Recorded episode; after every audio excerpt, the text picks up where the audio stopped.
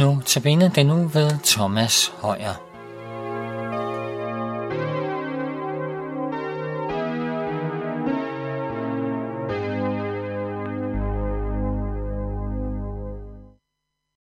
Velkommen til Notabene her på Københavns Nærradio. Mit navn det er Thomas Højer. I denne uges Notabene ser vi nærmere på Paulus brev til kolossenserne. Jeg vil begynde med at læse fra kapitel 1, vers 1-11. Fra Paulus Kristi Jesu apostel ved Guds vilje og vor bror Timotheus. Til de hellige i Kolosse, de troende brødre i Kristus. Nåde være med jer, og fred fra Gud vor far. Vi takker altid Gud, vor Herre Jesu Kristi far, når vi beder for jer. For vi har hørt om jeres tro på, Jesus, på Kristus Jesus og om jeres kærlighed til alle de hellige, udsprunget af det håb, som venter jer i himlene. Det har I hørt om i sandhedens ord evangeliet, som nu er hos jer, sådan som det i hele verden bærer frugt og vokser. Ligesom også hos jer, fra den dag I hørte det og lærte Guds nåde at kende i sandhed. Sådan har I lært det af vor kære medtjener Epafras, som er en trofast kristig tjener for jer, og han har også fortalt os om jeres kærlighed i ånden. Derfor har vi heller ikke siden den dag, vi hørte om det, holdt op med at bede for jer. Vi beder om, at I med al visdom og åndelig indsigt må få fuld kundskab om Guds vilje, så I kan leve, som Herren vil det, på alle måder ham til behag, og bære frugt med alle gode gerninger, vokse i kundskab om Gud og styrkes med al kraft ved hans herlige magt, til al udholdenhed og tålmodighed. Paulus indleder sit brev til de hellige i Kolosse med en takkebøn. Og øh, Paulus' takkebøn, det er primært en tak for, at evangeliet er blevet forkyndt blandt mennesker i Kolosse, og at evangeliet bærer frugt blandt mennesker i Kolosse. Denne tak, den eksisterer jo også hos os i 2017 i, i Danmark, at evangeliet forkyndes fortsat. Det fylder mig med tak. Og at evangeliet bærer frugt fortsat, det fylder mit hjerte med tak. Evangeliet er jo ikke noget, som Paulus har fundet på. Han kalder det for sandhedens ord. Og, øh, og sandhedens ord er faktisk ikke blevet forkyndt i Kolosse af Paulus selv. Det er af hans medtjener Epaphras, øh, som ligesom er blevet øh, den apostel, som har bragt evangeliet til byen Kolosse, og som har meldt tilbage, eller rapporteret tilbage til Paulus, om hvordan det har vundet øh, frugt i Kolosse. Så altså, Paulus står ikke alene i tjenesten. Øh, det er et, om jeg så må sige, teamwork. Hvad er det så for en frugt? Ja, det lader til, at det både er en frugt af tro, det har vi i det fjerde vers. Vi har hørt om jeres tro på Kristus Jesus.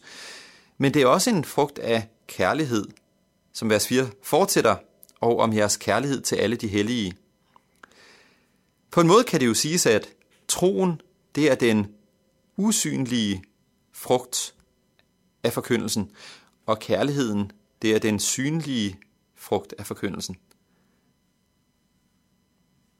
Troen, ja, troens liv, jamen jeg kan mærke det hos mig selv, men når jeg står over for et medmenneske, så kan jeg da selvfølgelig ikke vide med 100% sikkerhed, at dette medmenneske tror eller ikke tror. Øhm, det er muligt at være en hyggelig, og det er muligt at spille teater, men mit medmenneskes kærlighed, det, øh, det er den synlige frugt af hans eller hendes tro. På en måde så kommer der lige et, øh, et skridt indimellem, fordi troen skaber et håb, og det er håbet, der skaber kærligheden til alle de hellige. I sammenhæng så står der i vers 4 og i vers 5. Vi har hørt om jeres tro på Kristus Jesus og om jeres kærlighed til alle de hellige, udsprunget af det håb, som venter jer i himlene. Det er vigtigt, at troen rummer et en frugt af håb. Vil du, vil du i sandhed elske alle de hellige, så er, det, så er kraften til det og styrken til det, den finder du i håbet, og håbet, den finder du i troen.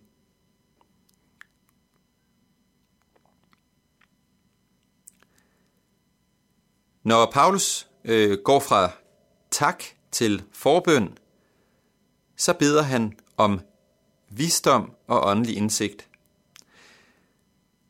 Det må for mig se hænge sammen med, at Guds vilje bliver min. Gud har en plan med dit liv, og Gud har en plan med mit. Og han viser den nogle gange fuldt og helt, andre gange i brudstykker, i små bidder, lidt ad gangen. Og når, når så Guds vilje også bliver min vilje, når jeg indretter mit liv efter Guds vilje, så er det allerbedste sted. Det kan godt være, at storme suser om mig, og det kan godt være, at modstand er stor. Men jeg har, jeg har visdom og åndelig indsigt til at stå og gå i Guds vilje. Det er altså Guds vilje, der, der viser en retning og en pil for vejen frem. Øhm, jeg tror, at Guds vilje, det er, at alle mennesker skal tro. Og jeg tror, at Guds vilje, det er, at de, der tror, de, der håber og har et håb, der venter os i himlene, har kærlighed til hinanden. Ja, og naturligvis ikke alene kærlighed til hinanden, men også kærlighed til mennesker, der står uden for troen. Så jeg tror, at Guds vilje, den kan udtrykkes med ord. Den er ikke fluffy eller uigennemskuelig. Jeg tror, at Guds vilje, den kan vi udtrykke med ord. Men hvordan den så skal konkretiseres i dit liv, det er jo så et livslangt projekt at, at opdage det, at erkende det og at se det.